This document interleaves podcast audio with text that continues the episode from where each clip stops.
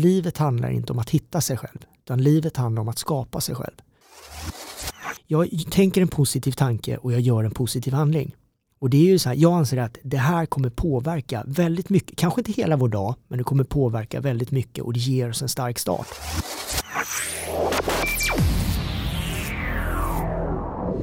Kära gäster, varmt välkomna till Life at Sign. Podden som tar dig med bakom kulisserna på Sveriges största designhotell. Där vi träffar intressanta och inspirerande människor som berättar om sin relation till att bo på hotell och att resa, delar hotellhack och spännande möten i långa korridorer och mellan kokande grytor. Jag heter Henrik Berghult och arbetar som hotelldirektör här på hotellet och idag ska vi träffa en av Sveriges främsta träningsprofiler. Han är en av Sveriges mest välrenommerade hälsoinspiratörer och tränare, tv-profil och föreläsare. Han är känd som supertränare från tv-programmet Biggest Loser Sverige, där han än idag har några av världens största viktresultat. Han är känd som programledare och expertkommentator i tv-programmet Ninja Warrior Sverige och som coach och PT. Som en av landets absolut mest populära föreläsare åker han idag runt och förbättrar hälsan för stora som små med sina inspirerande föreläsningar med fokus på hållbarhet och hälsa. Han har jobbat med säkerhet, han har jobbat med träning och han håller kändiseliten i form med kunder såsom Joel Kinnaman, Jessica Almenäs, Marie Serneholt, Red One, 50 Cent, Backstreet Boys, Enrique Iglesias, Josefin Bornebusch och många, många fler. Varmt välkommen Mårten Nylén. Tack snälla, tjena! Gott! Välkommen hit till Sign. Ja, tack så mycket. Härligt att ha dig här. Ja, och jag hänger ju en del här så att eh, jag känner mig ganska hemma. Du är ju här ofta. Ja, ganska ofta. Senast igår. Fikar, har möten, tränar, spelar in saker. Ja, Vad gör du här? ja det undrar jag själv ibland. Liksom. Men sist så var det lite inspelningar så. Det, är- det är väldigt fint här tycker jag. Härligt. Mm. Du tränar en del också ibland. Ja, tränar ganska mycket. Eller lagom skulle jag säga. Man, man anpassar ju och bygger sin egen livsstil så att jag har väl skapat den efter mig, hur jag mår bra. Tränar du på hotellet här ibland? Det har jag testat att göra. Ja. inte, inte jätteofta faktiskt, men man kanske får ändra på det. Nej, ja, precis. precis. Eh, som sagt, välkommen hit. Du eh, är ju från början född i Sydkorea Mm. eh, och kom till Sverige när du var 8-10 månader gammal, någonting sådant. Ja, tio månader var jag. Ja. Och landade i Karlshamn i Blekinge, eller närmare bestämt i Mörrum. Ja. Och så du vet, jag är från Hällevik, också från Blekinge. ja, det är ju galet. Det är en liten värld. Hur var det att växa upp i Karlshamn och Mörrum? Alltså, ja, jag brukar säga det är lite tvåtydigt där, för en del av mig, jag landade ju nere i Mörrum som jag verkligen tycker om. Mina föräldrar bor kvar där, så jag hälsar ju på där och är där en del. Men växte upp nere i Mörrum, Karlshamn, eh, hade en bra barndom fram till jag blev ungefär 15 år gammal. Och när jag blev 15 så hamnade jag i en, någonting som jag kallar för mitt livs storm idag, en riktigt dålig period. Och eh, den tog ungefär tre år. Så att jag har väl både bra minnen och, och sämre minnen från själva uppväxten. Ja. Hur var det i Karlshamn på, på den tiden eh, när du växte upp? Jag var ju från, från sagt Sölvesborg eller Hällevik och vi Sölvesborgare vi åkte ofta till Karlshamn. Man gick på nöjesbåten som var det stora etablissemanget och man hängde där liksom på kvällar och helger och så vidare. Men, men hur var klimatet i, i Karlshamn under din uppväxt? Eh, jag, jag tycker att det, det var väl, det är väl som en liten by, en liten stad, så att tempot är ju lite lägre. Eh, självklart, de positiva grejerna kan jag tycka är som att eh, men jag tyckte det är hemtrevligt, det är mysigt. Jag, jag gillar det här när det, tempot går ner lite grann. Men samtidigt kan jag ibland gilla också när tempot blir lite högre. Så jag tycker väl att, eh, ja, jag, jag gillar Karlshamn, jag gillar Mörrum, jag gillar de här små ställena när man kan Mm. gå ut i naturen och, och bara mysa. Så att, eh, ja, jag, jag tycker om det. Har du fiskat i Mörrumsån? Ja, men jag har simmat där. Du simmat där? Ja, det var ganska många som dök drag där. Fiskarna som Jaha. råkade sätta dragen och så hämtade man upp dem och så fick man en liten peng för det. Ja. Men eh, För just Mörrums laxfiske det är ju en av Sveriges absolut största turistattraktioner. Det är inte många som vet om men det är ju oerhört populärt för människor från hela världen. Vallfärdar ju dit för Ja. laxfisket. ja, verkligen. Och det är ju det är ju bra nu att jag som kanske inte är jätte, jag gillar inte lax supermycket så kanske finns sina orsaker. Ja, ja, ja. Eh, tänker på träning i Karlshamn eh, vid den tiden under uppväxten. Jag, jag har läst att både din pappa och din farfar var ju elitidrottare båda två. Mm. Eh, hur stod det till träningen under din uppväxt? Min, min far han var en av Sverige, Sveriges bästa löpare på, i sina ungdomsår och min morfar var elitbrottare. Wow. Så jag hamnade ju väldigt tidigt i det här med liksom att träna olika sporter. Och idag kan jag väl säga att jag har väl hållit på med det mesta. Eh, jag blev aldrig tvingad till någonting men, eh, men hittade kärleken i det. Jag gillade att röra på mig, jag gillar att träna. Mm. Och eh, ja, jag har gjort allt, lira hockey tio år, fotboll tio år, tennis massa år, pingis, orientera, sprang såklart. Sen hittade jag kampsporten. Mm. Och just, var den stor i Karlshamn på den tiden? Den var inte det, liksom, utan det, det, var så här, det fanns en karateklubb, det fanns en judoklubb, det fanns en jujutsu-klubb. Och sen så, ja, då startade man där. Sen kom det ju en taekwondo-klubb. Och då började jag med det och sen helt plötsligt så kom den klubben som, ja, som egentligen var helt nytt för mig. Jeet Kune Do. Och det var Bruce Lees koncept. Aha. Och eh, det var där jag egentligen startade på riktigt ska jag säga. Jag, jag, tyckte att jag hittade någonting i det som, eh, där det var mer än bara en sport. Okay. För jag, jag som person har egentligen aldrig gillat att tävla.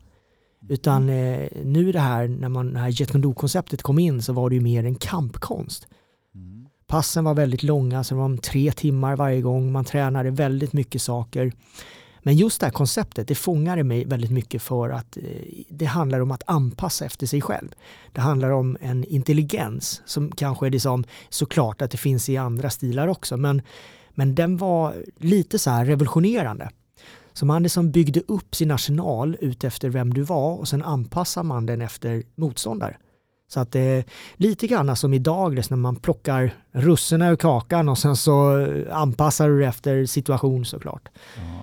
Men eh, otroligt smart eh, och, och, såklart eh, givande liksom, och roligt. Så att den, den fångade nog mitt hjärta mest.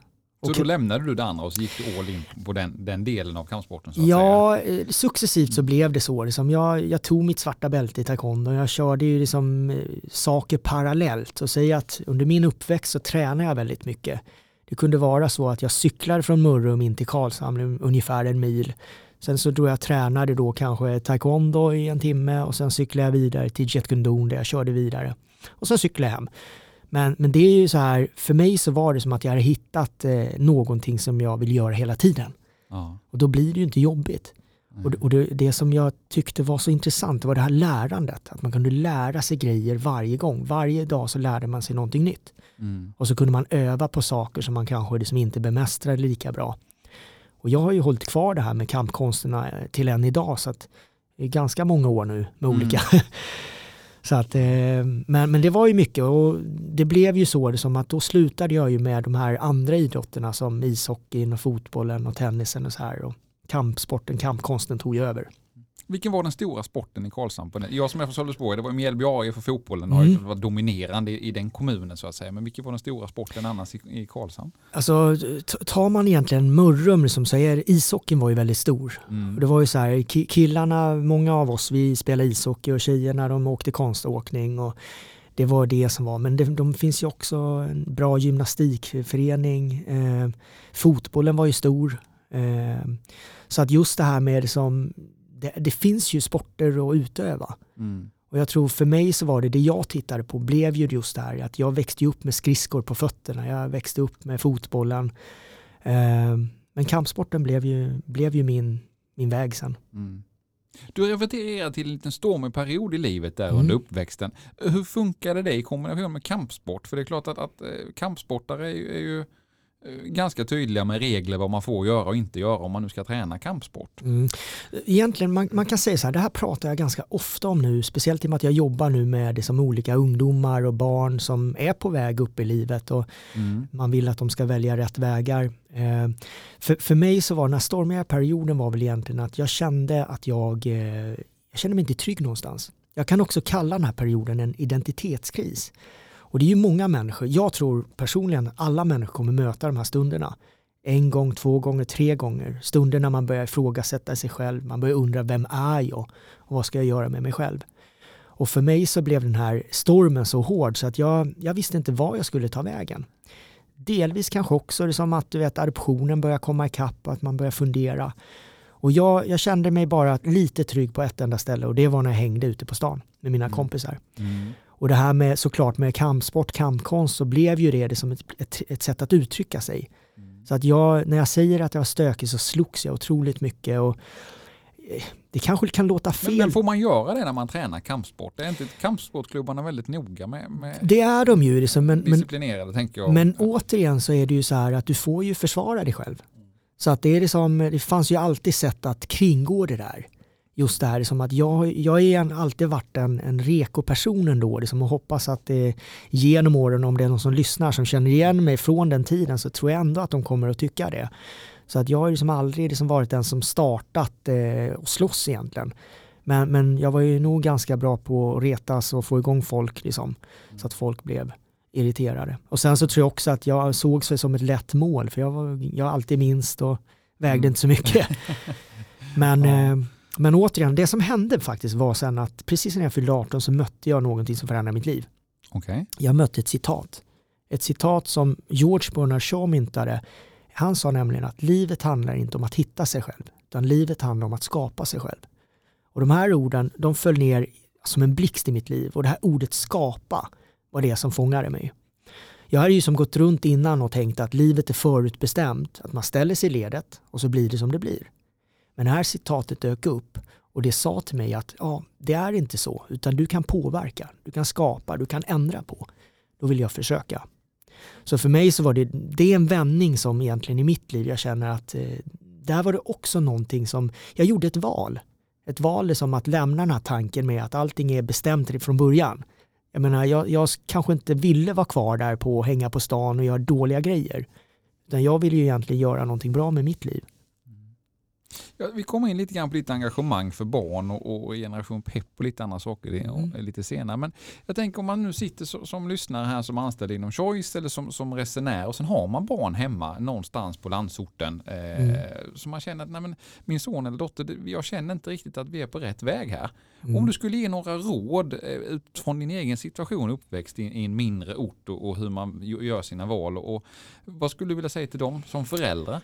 Eh, första jag vill säga det är det som att eh, så länge man liksom försöker vara en bra förälder och finns där för sina barn så, så gör man troligtvis allt man kan. Så att det är, som förälder så är man alltid en sån person som kommer att ifrågasätta. Är jag tillräckligt bra? Gör jag rätt? Och jag tror att vi borde göra mindre av det. Att vi, vi är oftast bra föräldrar om vi bara finns där. Den andra grejen som jag, som jag hoppas skulle kunna ändras lite grann på och det har inte med föräldrarna att göra, kanske lite i vissa fall, eh, men det är just det här att jag önskar att det kom in mer förebilder.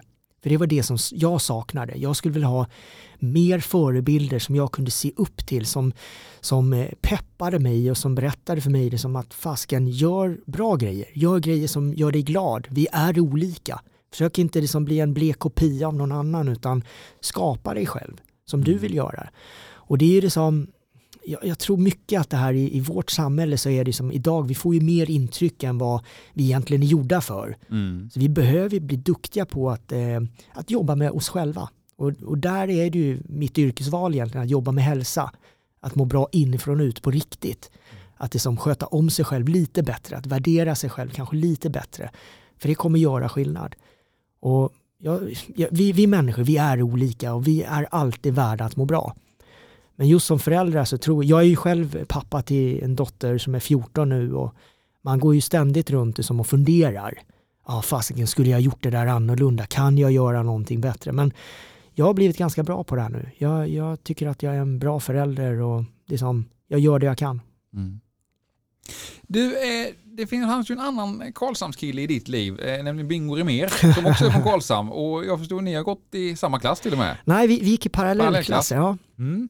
Eh, och han var väl den som, som eh, fick in dig, jag vet inte om han fick dig till Stockholm, men han fick i alla fall in dig på att börja jobba med träning eh, på allvar. Berätta om relationen till Bingo och hur era vägar landade i Stockholm? Ja, bingo, bingo, bingo. Bingo är speciell för mig. Vi, eh, vi växte upp i Karlshamn, eller Blekinge då. Jag gick i parallellklasser i, i gymnasiet. Och vi var väl sådana här, vi tränade taekwondo tillsammans, men vi hängde ju inte på den tiden. Och sen så eh, flyttade ju Bingo till Stockholm eh, för att han skulle börja jobba som fotoassistent. Två år senare så flyttade jag till Stockholm för då hade jag bestämt mig då att jag skulle utbilda mig till stuntman. Ah. Och andra dagen i Stockholm så möter jag Bingo. Jag springer på honom ner i tunnelbanan. Ja. Och, och, vi började snacka och sen började vi hänga. Så jag praktiskt taget tog mitt pick och pack och flyttade in till honom en period. Eh, men sen vi har, vi har genom åren jobbat tillsammans. Han har hjälpt mig med väldigt mycket grejer. Och eh, Bingo är ju en sån här, han är ju som ett virus. Man kan släppa honom var som helst och han connectar med alla och alla gillar Bingo. Men just den här grejen, Bingo var faktiskt den som sa åt mig vid en tidpunkt att eh, jag skulle jobba som personlig tränare. Aha. Och då jobbade jag liksom med säkerhet, jag, hade liksom, jag jobbade med stunt, visste inte riktigt lite grann vad jag skulle välja att satsa på så här fullt ut. Och då sa han det, du Mårten, du som är bäst på det här, du borde ju liksom göra det här på heltid. Varför ja. ska du som inte liksom, lägg din tid på, på att köra PT nu. Ja, vet du vad, jag har en polare som vill börja träna. Och då var det Petter. Ja, ja, ja. Mm. Häftigt. Så att jag, jag bingo, vår, vår eh, li, linje går ju långt tillbaka så den har ju inte slutat här. Eh, utan vi ses och hörs lite då och då. Som, ja, han, är, han är en fin person. Ni är till och med släkt va, på ett långt håll? Ja, exakt. Min bror har eh, två barn med en av Bingos systrar och de bor ju nere i Karlshamn nu så de flyttade hemåt igen. Ja, härligt. Så det är, från att vara som barndomsvänner så blev vi helt plötsligt släkt. Var det din och Bingos förtjänst att det blev så eller var det omständigheterna? Ja, jag ska nog inte säga att det var min och Bingos förtjänst utan saker blir ju som de blir. Men vi hade väl en idé om att vi kanske skulle få fira någon julmiddag ihop men eh, om vi liksom fick ihop dem där. Men eh, ja. vi har fortfarande inte firat någon julmiddag ihop. Men ni har fått ihop dem? Det fick vi. Så att, Eller de fixar nog det själva tror jag. Ja. Och du stod i valet och kvalet, eh, berättade du här om stuntman, PT, säkerhet. Mm. Du gjorde en liten karriär inom stunt och du gjorde en liten karriär inom säkerhet innan du landade i det här. Om ja, exakt. Jag, jag, jobbade, jag flyttade till Stockholm för att jag liksom började utbilda till stuntman. Ja. Och, eh, Vad gör man det? Eh, då, då, då, var det Europas enda stuntskola faktiskt som fanns okay. i Stockholm. Och eh, jag gick, eh, jag tror fem utbildningar där, sen fortsatte vidare, så utbildade mig vidare utomlands.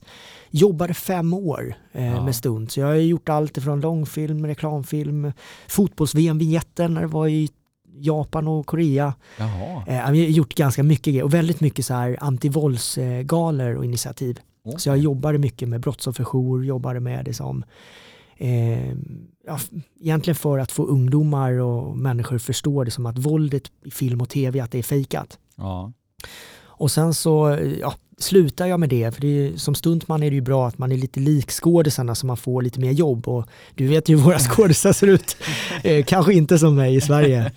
Men eh, ja, sen så jobbar jag också liksom inom säkerhet det är kanske inte jättemånga som vet om det. Idag så är det nog fler, men jag gjorde 11 år inom säkerhetsbranschen som säkerhetskoordinator och väldigt mycket artistsäkerhet. Mm. Och, eh, men sen bestämde jag mig liksom att det var ju det här med hälsa som jag ville jobba med. Ja. Jag, jag kände att det var där som jag kunde göra störst skillnad. Och från det, det som att jag hade mött det här citatet, att jag bestämt mig att jag ska skapa mig själv, så vill jag göra skillnad. Jag, jag, jag gillar det här med människor och jag vill ge det här till människor, att människor ska förstå att det är inte förutbestämt livet utan vi kan påverka jättemycket. Och jag, jag brukar säga så här, det finns många saker i livet som vi inte kan ändra på, som vi inte kan göra ogjorda eller som vi inte kan skapa annorlunda. Men samtidigt så finns det jättemånga saker vi faktiskt kan förändra, skapa och påverka. Och det är där vi ska sätta fokuset. Men du eh, jobbar som personlig tränare, du är programledare, du är föreläsare, du driver eget företag. Eh, vad är det som driver dig att, att påverka människors liv så positivt? Förutom liksom, naturligtvis glädjen att se att människor utvecklas och går ner i vikt eller får ett bättre liv. Men vad är det som driver dig att stiga upp på morgonen, att, att ha så full agenda och göra så mycket för så många andra? Alltså, det har blivit mitt livsmål. Jag, jag, jag känner att jag kan göra den här skillnaden. Så då är det så här, varför ska jag inte då göra det? Det här är som med att hjälpa människor, det här med att finnas där. Och återigen, liksom, det handlar inte, i början när jag liksom började min resa därifrån citatet så var det lite så här kanske tacksamhetsskuld.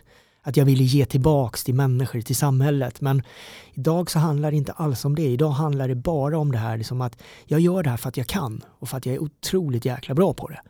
Och det är ju liksom för mig att vakna på morgonen. Jag, jag gör en grej varje morgon när jag vaknar. En, en grej jag kallar för att starta med ett leende. Och ni som följer mig på Instagram, ja, ni vet ju vad det här är. Men jag tänker en positiv tanke och jag gör en positiv handling. Och det är ju så här, jag anser att det här kommer påverka väldigt mycket, kanske inte hela vår dag, men det kommer påverka väldigt mycket och det ger oss en stark start. För tänk när man vaknar och man börjar liksom gå in i någonting dåligt, en dålig tankespiral direkt. Det spelar ingen roll om någonting bra händer sen. Man kommer fortfarande vara kvar i det här, åh vad jobbigt. Ja. Så just det här som att starta starkt, starta med ett leende, det, är, det är en grym grej. Har du läst eller hört talas om boken Make My Bed? Nej? Det finns en amerikansk eh, general som är ganska känd. Eh, Det finns ett klipp med honom på YouTube. Mm. eh, Där han höll ett, ett avgångstal för ett universitet. Han är bland de högsta militärerna i, i USA och han har varit i Navy Seals hela sitt liv.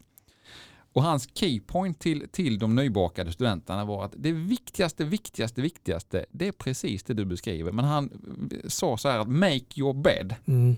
För då börjar du dagen med att utföra en uppgift. Mm. Ja, Du gör någonting och du kan känna stolt över att du har gjort någonting. Sen om dagen går helt åt skogen, skit i det för då kommer du i alla fall hem till en, till en bäddad säng. Mm. Men du har börjat med en positiv handling, du har utfört något du kan credda dig själv. Mm. Eh, Och han skrev ju ett par böcker om det där sen som har blivit Mm. ganska eh, omskrivna. Ja, jag, jag har Eh, sett men- ett klipp på det här tror jag. Ja just det, han står där i uniform och Ja. pratar om det här. Det- Men det är precis det du beskriver, han börjar dagen med någonting. Ja. Att inte bara dagen blir som den blir, utan Nej. man på något sätt påverkar man den i någon riktning. Ja, och det är återigen där, det som det kallar man sätta fokus, att sätta fokuset rätt istället för snett.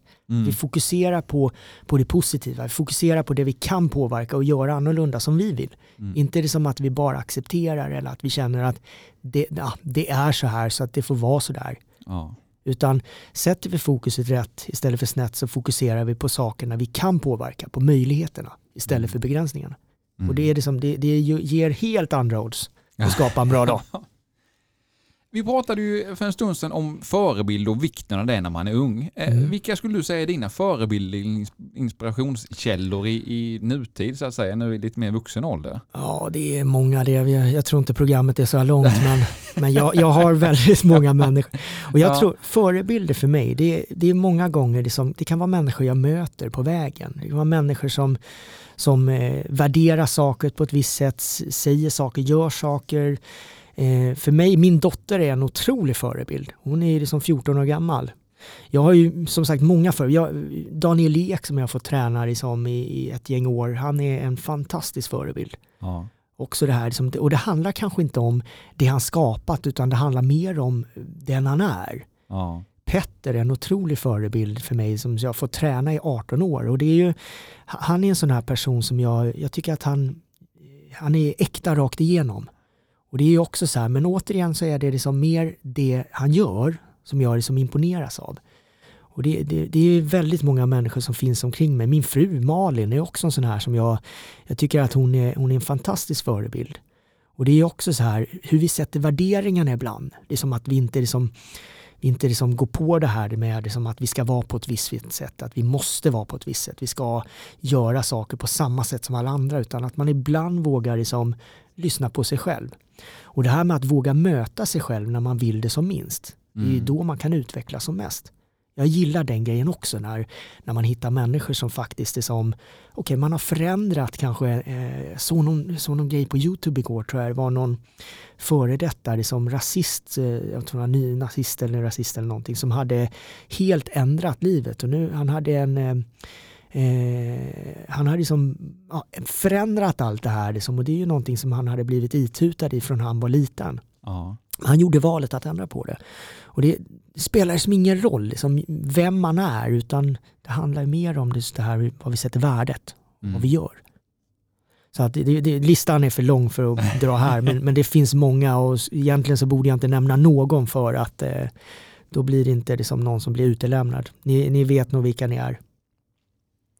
Jag har ju hört dig i ett antal olika forum, i podcast och i föreläsningar, också i tidningsartiklar och intervjuer bland annat med Malou, där du pratar om någonting du har valt att kalla balansbordet. Mm, ja.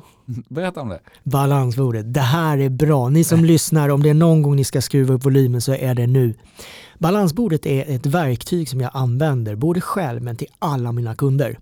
Och jag- tro mig, jag har jobbat som PT i 18 år nu så det har ju funkat ganska länge. Eh, tänk er ett runt bord med fyra ben. Om man ställer bordet på, bord, eh, på golvet framför er så kommer det stå stabilt. Bryter vi av eller sågar av ett ben så kommer bordet antagligen stå kvar om vi inte trycker väldigt hårt där benet är borta.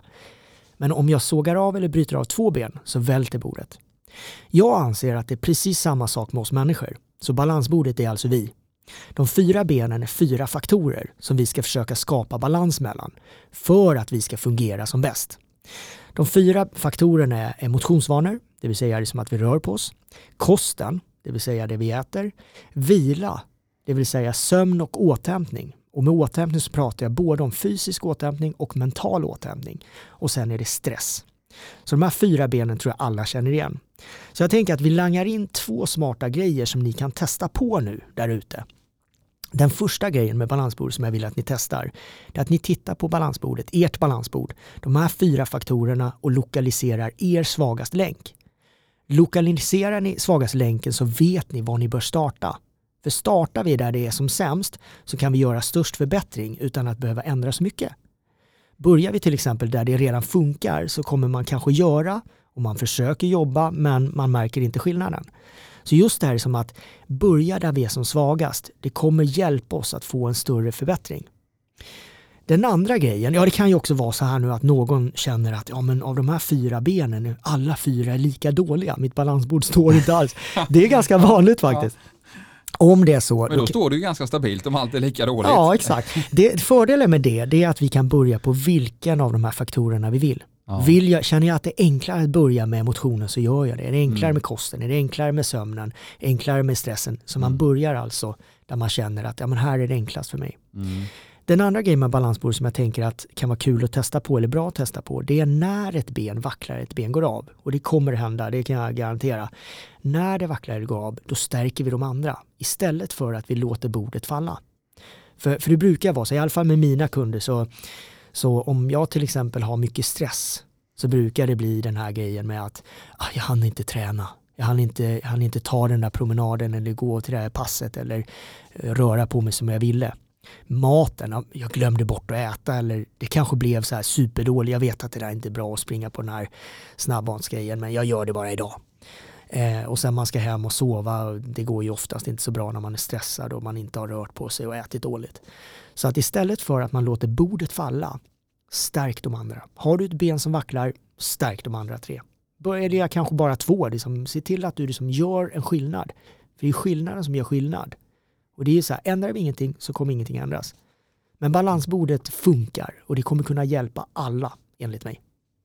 Jag skulle kunna känna så här för balansbordet rent personligt att okej, okay, motion, ja men jag, jag har inga större problem att jag börjar, jag tar en extra promenad eller jag springer en runda på kvällen, den känner jag är fine. Mm. Eh, Likaväl det här med stress, jag är inte jättestressad, det känner jag inte ett stort problem för mig. Eh, sömnen, okej, okay, jag går och lägger mig lite tidigare, lite senare. Men mm. maten, mm. I, I, vilken, om man nu ska ha några tre tips på hur man ska liksom börja styra upp sin kost någorlunda. I vilken ände ska man börja då? Okej, okay. jag säger så här, jag har en bra grej när det kommer till mat. Första viktigaste grejen, bli inte rädd för mat. Nej. Människor som blir rädda för mat eller börjar tro på saker de läser ibland eller hör, då har man skapat ett problem redan där. Mm. Vi behöver äta, för äta bör man, annars dör man. Mm. Det som vi kan ta med oss in i det här, det är det som att vi kan plocka med oss behov. Att hellre, istället för att lyssna på alla konstiga dieter och saker som man ska äta eller kanske absolut inte får äta, så skulle jag säga, titta på dig själv. Vi är olika. Vi är olika och olika eh, sätt som vi kan äta på för att vi ska må bra. Men just det här, vad behöver jag för att jag ska må bra? Hur ska jag äta för att jag ska må bra? Sen brukar jag prata om tre grundstenar. Första grundstenen är näringsinnehåll, att maten jag äter innehåller näringen jag behöver för att jag ska fungera och må bra. Andra är energimängd, att jag anpassar energimängden efter mig. Och vi är olika där också. Det är många saker som påverkar hur mycket energi vi behöver. Det kan vara genetik, eh, livsstil, eh, saker man gör. Liksom, det finns massor av grejer. Och sen så har vi tredje grundsten som är en gnutta sunt förnuft. Men jag skulle säga ett tips om du ska starta med någonting. Gör en bra affär. För bra affärer vill ju alla göra, eller hur? Ja. Mm. Ta bort eller minska på någonting dåligt och lägg till någonting bra. Mm. Där har du första grejen. Där har du gjort en förbättring. Och det är bättre att titta på förbättringar än att jaga det här som folk kallar för perfektion. Mm. Det här med att försöka göra det perfekt, skippa det här. Om, gillar du att dra två glas vin på, på fredagen, gör det. Gillar du att ta den här pizzan på lördag, gör det. Men det är inte fredag och lördag varje dag. Och det handlar om att skapa balans. Så att det här med att inte bli rädd för mat, att försöka liksom göra förbättringar, det kommer hjälpa dig att ta steg framåt. Och alla steg framåt är steg framåt oavsett storlek. Så där du startar från idag, det här är ju egentligen om man gör en hälsoanalys, kommer man Mm. som titta på olika saker och var du är just nu. Då kommer man börja göra förbättringar. Istället för att man försöker skapa det perfekta sättet att äta. Det perfekta sättet att leva. För då kommer vi troligtvis aldrig hamna där.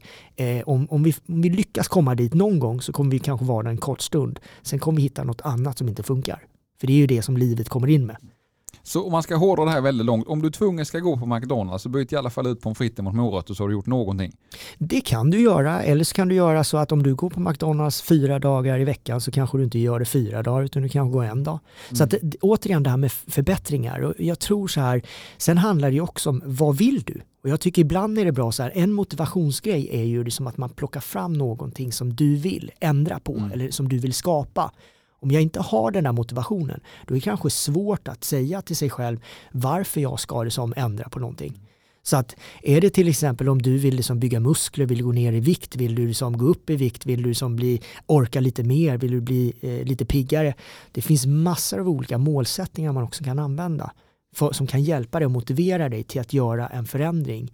Och, och där kanske då det som det är enklare att sätta upp handlingsplanen. Ja, ska du gå det som, ska du ta bort eller byta ut som du sa nu, liksom, eh, pommes fritesen mot eh, morötter eller ska du kanske gå dit lite mindre ofta. Mm. Så att just den här grejen, man kan ju också liksom kanske gå dit om man tycker att det är så jäkla bra men du kanske börjar träna.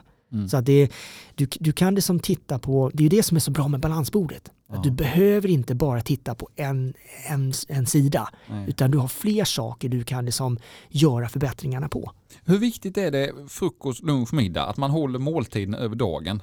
För en del skippar frukosten, en del skippar lunchen, en del käkar alltihopa, en del käkar ingenting. Det är en väldig variation på hur, hur, hur Mm. folk äter. Och jag skulle säga, återigen, vi är olika. Så att, Mm. eh, säg att du har känslig mage, då Mm. kanske du inte är en sån som börjar äta som jag gör som kanske äter sju gånger om dagen. Nej. Jag kan tycka däremot att regelbundna energiintag, det vill säga att vi äter regelbundet, är oftast bra. Det Mm. hjälper till att hålla blodsockerkurvan jämn, det hjälper till att, som min dotter till exempel som har diabetes, där är det ju superviktigt med, med tider. Mm. Men jag tror, och det som min erfarenhet också säger, det är det som att de flesta människor mår bäst av att ha regelbundna eh, energiintag eller att man, måltider, att man äter regelbundet. Sen om det blir som frukost, lunch, middag, ja det tycker jag skulle vara en bra mall. Men eh, ja, vissa tycker det är svårt att äta Mm. på frukosten. Men där kan det också vara så här liksom att det kan ju då titta på vad är det svårt att äta på frukosten? Är det just det här som att jag inte har tid? Är det att jag liksom tycker att det är jobbigt att äta någonting större? Det finns ju alltid lösningar. Det finns Mm. alltid fler sätt att ta sig från A till B. Så Mm. där kanske det handlar bara om, okej jag kanske byter ut det här som jag tycker är jobbigt med det som gröt eller knäckemackor eller vad man än ska äta det som på morgonen. Jag kanske byter ut det mot någonting lättare. Mm. Jag kanske istället det som tar och äter det som någonting som jag känner att jag kan ta smoothie istället. Mm. Den kan jag ta med mig på vägen. Så både det här med tiden och det här med liksom att det är tyngre, det, det blir kanske inte lika jobbigt. Nej. Så att vi behöver bli bättre på att titta på lösningar än på, på det här med problemen och våra begränsningar. Härligt att höra att man inte måste gå all in, att man kan göra små förbättringar. För jag tror det kanske det är också som skrämmer många. Att Ja. ska, "Uff, nu är det så stort och det ska räknas och det är handlingsplan och kaloriräkningar Mm. och bara, oh, det här, okej, det här kör vi en vecka, sen vattnar vi. Mm. Och det är ju så här, någonting som jag skulle säga till er som lyssnar, enkelhet gör det alltid enklare att lyckas. Att vi ska inte göra svå- saker svårare än vad de egentligen är. Utan när vi börjar förenkla saker, att vi inte är som jagar det här perfekta hela tiden. För det är många människor jagar, det är genvägar. Mm. Och genvägar, ja det blir ju många gånger senvägar. För, eller så håller de inte i längden. Så det här med det som att försöka det som alltid utgår från sig själv, sina egna förutsättningar. Att vi tittar på det som vad jag startar från, vad jag startar med. Det kommer alltid hjälpa till att bygga en bättre handlingsplan Mm. och få det att funka i längden. Sen det här med balansbordet, det kommer ju hjälpa till att hålla vår kapacitet, förmåga att fungera. Det kommer se till att vi liksom, för hur många, hur många människor börjar inte träna så börjar man till och med äta bra så svarar den här jäkla kroppen inte. Det är Mm. orättvist, eller hur? Ja. Balansbordet kommer hjälpa till att fixa det. Så att eh, kan vi se till att vi har en fungerande kropp, en fungerande knopp, det vill säga skallen, så kommer, så kommer allting bli mycket bättre och mycket enklare. Spännande. En annan sak förutom balansbordet eh, som du också talar om ibland är mentala nycklar. Mm. Vad är det? Ja, egentligen är det så här, jag, i min föreläsning nu, eller jag har ju flera olika föreläsningar, så pratar jag ofta och gärna om någonting som jag kallar för framgångsnycklarna. Ja. Mentala nycklarna de kommer falla lite grann på samma bord där och det är väl egentligen jag gillar att jobba med eh, saker som folk kan fokusera på för att skapa sin förändring. Vi kan till exempel göra en liten snabb sån här grej. Jag har någonting jag pratar om som jag kallar för de tre F. Och då är ju det, det som tre nycklar, men det är tre ord som kommer kunna skapa skillnad. Första F till exempel, det är försöka. Försöka är alltid starten, eh, alltid början på att lyckas. Så vi behöver ju oftast den nyckeln. Tänk hur många gånger vi liksom tänker att jag skulle vilja det där men man försöker aldrig. Och där är som, då kan det till exempel vara en mental nyckel att jag använder nyckeln försöka. Att ja. istället för att jag tänker att ja, men det där kommer inte gå, det kommer inte funka, så ja, men jag gör ett försök. Och jag, jag är en sån här, jag skulle hellre försöka tio gånger lyckas tre än aldrig försöka och aldrig lyckas. Sen har vi andra eh, F då som är förändring. Och det är för att jag anser att förändring är det som skapar förändring. Förändring är det som skapar förbättring. Ändrar vi ingenting så kommer ingenting oftast ändras. Och där pratar jag om det här med samma samma, trygghetszonen. Att stannar vi kvar i samma mönster, vi gör saker på samma sätt som vi alltid gjort, så kommer vi alltid få resultat vi alltid fått. Det blir som samma samma. Så det här med förändring, vi behöver inte vara så rädda för det. Utan många gånger så är förändring det som kommer också kunna göra saker bättre. Och där kanske man då ska liksom fokusera, som egentligen är det tredje F, fokus. Att fokusera på möjligheterna istället för begränsningar. Att försöka fokusera på det som, okej, okay, det här kan jag göra, det här kan jag ändra på, det här kan jag skapa istället för, det där kan jag inte ändra på. Det där kommer ju aldrig funka. Och det kan ju också vara en inställningsgrej. Att man jobbar med sin inställning. Med det som att jag, jag tror så här, tror att det här kommer, kommer att gå bra. Jag tror att det här kommer bli bra. Istället för som många människor gör att de börjar, nu ska jag ska göra ett försök då, men det där kommer inte funka. Säger du att det inte kommer funka så har du säkerligen rätt. Säger du att det kanske kan funka så har du antagligen rätt också. Så det är ju liksom inställning vi tar. Det är ju inte ett F, men det kommer ju också spela roll. Spännande. Du, eh, det här med motion, om man ska komma igång med någonting enkelt. 10 000 steg har man ju talat om, det bör man gå om dagen. Mm, och, Stämmer det? Ja, alltså, jag skulle inte lägga så stor vikt vid det, men om det är någonting som kan få människor att röra på sig varje dag så är det superbra. Ja. Sen kan det ju vara också så här, om man översätter 10 000 steg, vad kan det bli, 6-7 kilometer? Mm. Eh, det viktiga tycker jag, det är liksom att man bryter stillasittandet. Och det kan vi göra på tusentals sätt. Det kan vara till exempel som du och jag nu som sitter ner, att man, ja, som vi snart ska göra då bara för det, en rörelsepaus. Rörelsepauser eh, skapar cirkulation, syresätter både kroppen men också knoppen. Det ja. innebär att vi vinner någonting också. Vi blir mm. inte bara liksom smartare och piggare utan vi liksom blir mer fungerande också. Men just det här med 10 000 steg, ja, jag tycker att det är en superbra grej att göra om det kan få dig att liksom röra på dig och gå eller jogga eller hur du nu än tar dig fram 10 000 steg så är det ju bra. Men du kan ju lika gärna göra någonting annat. Så att det är liksom, för mig så tror jag inte att det handlar så mycket om att det behöver vara just en grej. Utan jag skulle ge rådet att hitta någonting som du tycker kanske är lite kul också. För när man tycker att någonting är roligt så är det enklare att lägga in det i livsstilen. Och när vi får in det i livsstilen, då blir det någonting som återkommer och det blir absolut inte så jobbigt att, liksom hålla i det. Utan eh, börjar man med någonting som man kanske inte tycker eller om man säger att det är ett måste, ja. då, då blir det helt plötsligt någonting som vi kanske börjar tycka blir jobbigt efter ett tag. Ta bort ordet måste och istället hitta någonting som är roligt eller någonting du behöver. Eller kanske någonting du motiveras av, där du får tillbaks en vinst, en hälsovinst. Mm. För jag, det här med 10 000 steg kom till, till mig brutalt här för några veckor sedan. För då mm. eh, satt vi och pratade om det och då hade någon hört det här med 10 000 steg och då insåg jag att okay, jag går ju bara 6-7 tusen steg om dagen. Jag hoppar mm. in i bilen, kör till jobbet, parkerar garaget, går upp på kontoret, alternativt flyger någonstans och, och kör hem igen. Mm. Så jag har ju sån pulsklocka och grejer så jag började ju utmana då min svåger Jannik och fick med mig en annan svåger som heter Phil och sen skulle vi gå 10 000 steg om dagen. Fantastiskt. Här. Eh, så vi kör ju stenhårt på det nu och har kört i två veckor. Mm. Jag vann förra veckan. Grattis. Eh, men då läste jag om det här med 10 000 steg och det finns ju ingen vetenskaplig bevis för det där 10 000 steg. Vet du varför man säger 10 000 steg? Jag, jag tror lite grann så här att det, det är en bra grej att fokusera på. Jag, menar, du jag skulle... vet hur det kom till. Ja, berätta. Jag har googlat. Ja, har du det? Innan ja, vi satte oss här. Ja, men det här måste jag få höra.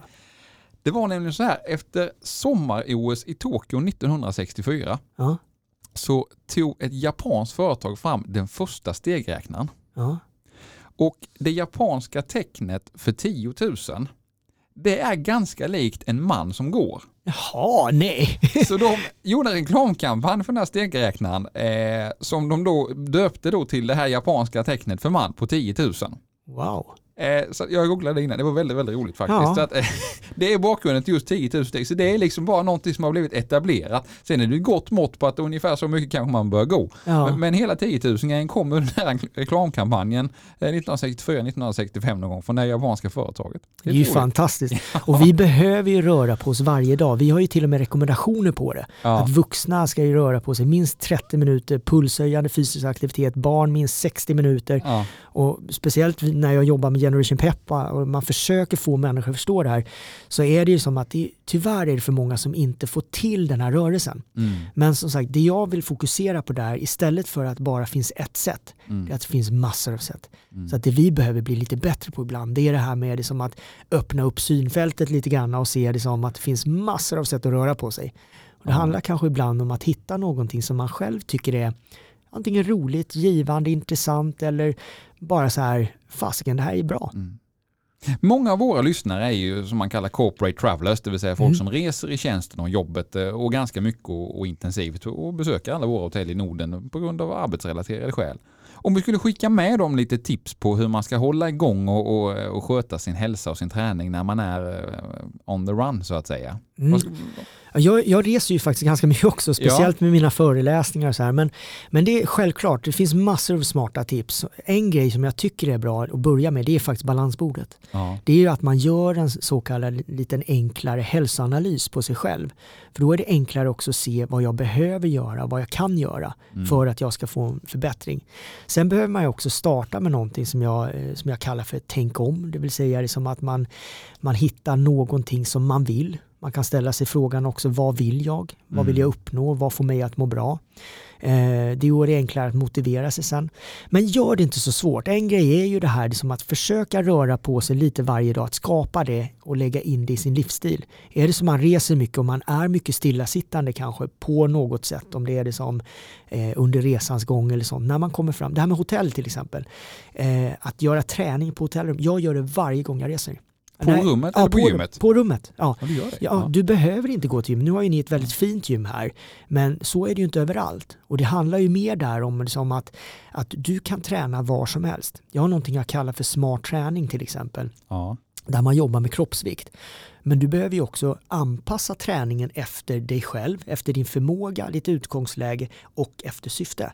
Så att där sätter man ihop olika upplägg. Det kanske är att du kör tre övningar, fem övningar, så gör du din cirkel. Kanske gör tre varv och så det tar kanske tio minuter att göra. Behöver inte vara svårare än så. Mm. Så det här med det som att du behöver liksom gör, träna en timme för att du ska få effekt. Det är någonting som jag tror hindrar många från att kanske göra. Och istället då är det som bättre att göra någonting litet än att inte göra någonting alls. Gillar man att springa, löpardojorna när man reser, det är ju superenkelt. Det är också någonting som, är det någonting som jag alltid har med mig så är det löpardojorna. Men om jag skulle göra tre övningar på rummet, jag, jag har tio minuter här Mm, nu. ja. Alltså om jag ska göra tre övningar på mitt hotellrum Mm. och jag har inte så himla mycket tid. Nej. Vilka tre övningar skulle du rekommendera då? Om man är någorlunda mittemellan tränad. Ja men säg så här, jag, jag skulle vilja börja med en övning, kanske få lite puls. Det Mm. skulle kunna till exempel vara en jumping jack. Kan man inte hoppa så kan man göra en step jack, det vill säga att man står upp, hoppar ut, armarna går upp, Mm. hoppar in, armarna går ner. Och så kanske man gör det i 30 sekunder. Säg att du gör 30 sekunder på varje övning. Mm. Eh, du kanske har tre övningar då som du säger Mm. och så då kanske du kör, säg fyra varv. Då kommer du komma under de där 10 minuterna lätt. Då hinner Ja. du duscha, hinner ta en kopp te och Ja. Eh, andra övningen, då kanske man skulle jobba med en, en eh, benböjsövning. Då kanske man liksom, säg att du kanske suttit ner mycket. Ja, du gör en benböj, du kan gå ut, ställa dig ungefär axelbrett eller om du vill göra en bredare böj, det bestämmer du. Låtsas sätt dig ner och sen så ställ dig upp igen och så gör du det, repeterar du det, det vill säga att du gör en squat, en benböj. Och då gör du det 30 sekunder också. Vill man göra den eh, jobbigare så kan man liksom fortsätta upp i ett litet mjukt hopp. Mm. Så man kan ju anpassa det efter sig själv. Mm. Tredje övningen, då skulle det kanske vara att man gör en burpeeklättring skulle jag slänga in här nu bara för att. Och då får vi in lite rörlighet också. Och, och den ser lite grann ut som en burpee men eh, den är lite snällare så den är lite enklare. Och det betyder då det som att du sätter båda händerna i marken, klättrar bak med fötterna så du hamnar i en armhävningsposition eller en stående planka som vi kallar det för.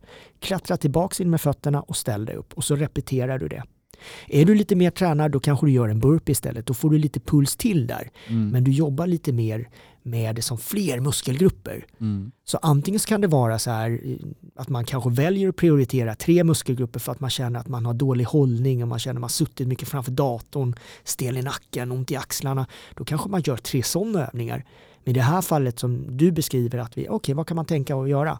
Det finns så många grejer. Mm. Men det här är tre smarta övningar som jag själv skulle göra om jag skulle liksom, ja, Mm. gå in på rummet nu. Ja, för jag tror också många har, man vågar inte gå till gym nu, man bör ju inte göra det, säger myndigheterna. Och vill- man kanske vill göra någonting hem, även om man Mm. inte är på hotell, så kanske man vill ta en liten stund hemma och Ja. träna utan att det blir för avancerat. Och det här är jättebra tips som man kan göra även om man inte bor på hotell, alltså Ja, även hemma i exakt. sovrummet. Ja, och, och det är ju det här, återigen så handlar det om att vi mår alla bra av att röra på oss Mm. lite varje dag. Mm. Och det är ju så här, du behöver inte styrketräna. Du Nej. behö- om du gillar inte styrketräna, strunta i det. Det kanske är mer om du behöver styrketräna för att du har ont någonstans eller är Mm. svag någonstans. Men just det här är som att, att röra på sig, att hitta någonting du kan göra varje dag. Och det Mm. där kan vi ju lägga, det är ett litet tips. Att försök du nu som lyssnar, som komma på som, vad kan du göra? Ja. Istället för att fokusera på vad du inte gillar att göra. Ja. Vad kan du göra? Vad skulle du tycka var kul att göra som du kan göra några minuter varje dag? Mm. och sen gör du det.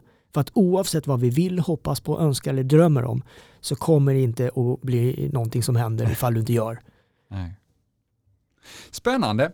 Eh, engagemang, framtid. Eh, min bild av dig är att du engagerar dig en hel del i barns träning och hälsa. Bland Ja. annat är du ambassadör för Generation Pep som är kronprinsparets initiativ. Mm. Berätta Jag, lite mer om det. ja exakt, jag har ju tre ambassadörskap egentligen och det är ju Generation Pep då, det är stiftelsen Friends och det är Beat Diabetes. Mm. Och de går ju lite hand i hand ändå. Men, men just där, jag, jag tycker att eh, för mig så, vi formas så mycket när vi är barn. Mm. Vi formas otroligt mycket och jag, jag vill ju försöka vara den här förebilden som jag själv önskar att jag hade upptäckt när jag var yngre. Mm. Och jag, jag tror det här, det är som att ska man påverka så är det där man ska gå in. Mm. Man ska inte vänta till vi blir äldre som du och jag, liksom, utan jag vill försöka påverka hela generationscykeln. Jag, jag jobbar med det som eh, mindre barn, jag jobbar med mellanbarn, jag jobbar med ungdomar, jag jobbar med vuxna, jag jobbar med, med äldre. Så att för mig så spelar det egentligen ingen roll vem jag jobbar med, för att vi är ju människor. Ja. Men däremot så, så vill jag gärna in och jobba mycket med barn och ungdomar för att jag tror att jag kan göra en stor skillnad där. Mm. Och det är, det är som både det här med som att få, få barn och unga att skapa bra vanor. Och för mig så kommer det vara att skapa bra förutsättningar Ja. till det som att vi sätter värderingarna rätt, att vi värderar rätt saker. Det kanske spelar ingen roll hur många följare du har på Instagram om du mår dåligt. Liksom. Jag menar, det som är värt någonting är att du mår bra, att du är stolt över dig själv, att du känner att fasken, jag är bra som jag är och jag är alltid värd att jag ska må bra. Mm. Och om jag känner mig värd att må bra så kommer jag antagligen hantera mig bättre också. Så att hela den här grejen kommer liksom att resultera i en livsstil som vi skapar som vi mår bra i. Så att det här med barn och unga för mig, jag, jag tycker att det är engagemang som du säger.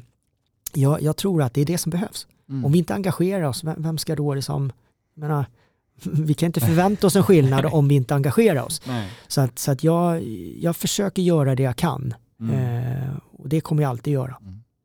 Framtiden, hur ser den ut för dig? Har du fortfarande kvar PT-kunder eller du kör bara föreläsningar nu eller, eller vad gör Mårten Nylén på dagarna nu för tiden? Jag kommer aldrig sluta med PT. I- i- Idag brukar jag säga att jag jobbar 3% så det är väldigt lite av min arbetstid som går till PT. Så att eh, är det någon nu som får för sig att ni vill anlita mig som PT så har jag antagligen inte tiden att kunna tacka ja. Men, eh, ja, men jag föreläser. Idag är det ju mycket mer digitalt. Mm. Eh, Jag jobbar ju som sagt ganska mycket nu med de här tre Generation Pep, eh, Beat Diabetes och Friends.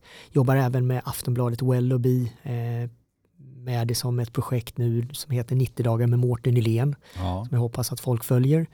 Eh, Så att jag gör massor, jag skriver på en ny bok. Jag har släppt en bok som Mm. du ska få nu här alldeles strax faktiskt. Som Åh, heter tack. Resultat, balans och lite magi. Men det jag gör, jag försöker hitta saker som, där jag kan göra skillnad. Ja. Så nu har jag precis släppt eh, en, en utmaning, Mårten utmanar heter det. Och då är det en digital hälsoutmaning som företag kan liksom plocka upp där de liksom teambildar får själva de anställda som att jobba med hälsan tillsammans. Ah. Även om vi som jobbar hemifrån Ja. så kommer vi ändå som att jobba tillsammans för att vi kommer att bli ett team.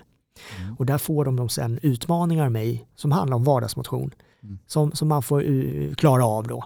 Klarar man av det får man en poäng och sen så är det en finalutmaning och så här, mer än så ska jag inte berätta. Men, men, men det är så här, jag har massor av projekt och, och det är väl så här, jag tror på att skapa saker.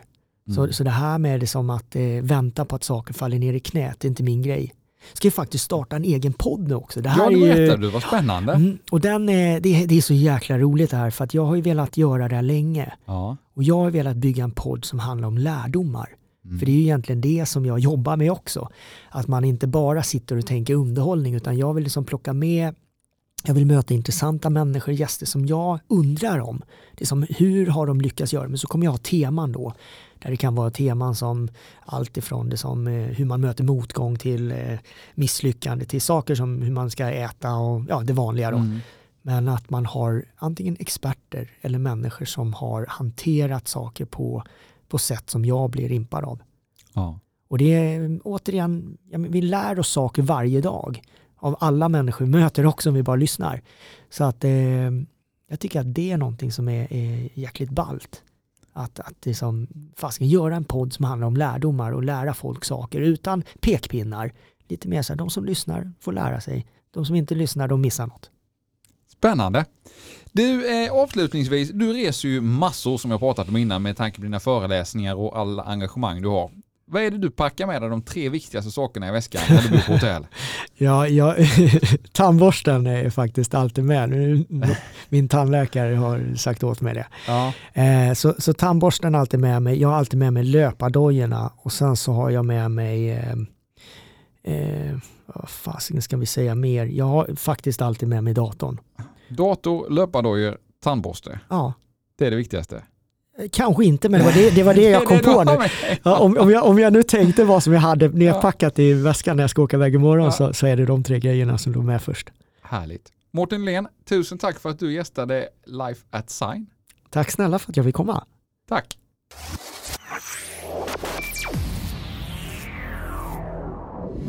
Inspelad i podcaststudion på Clarion Hotel Sign.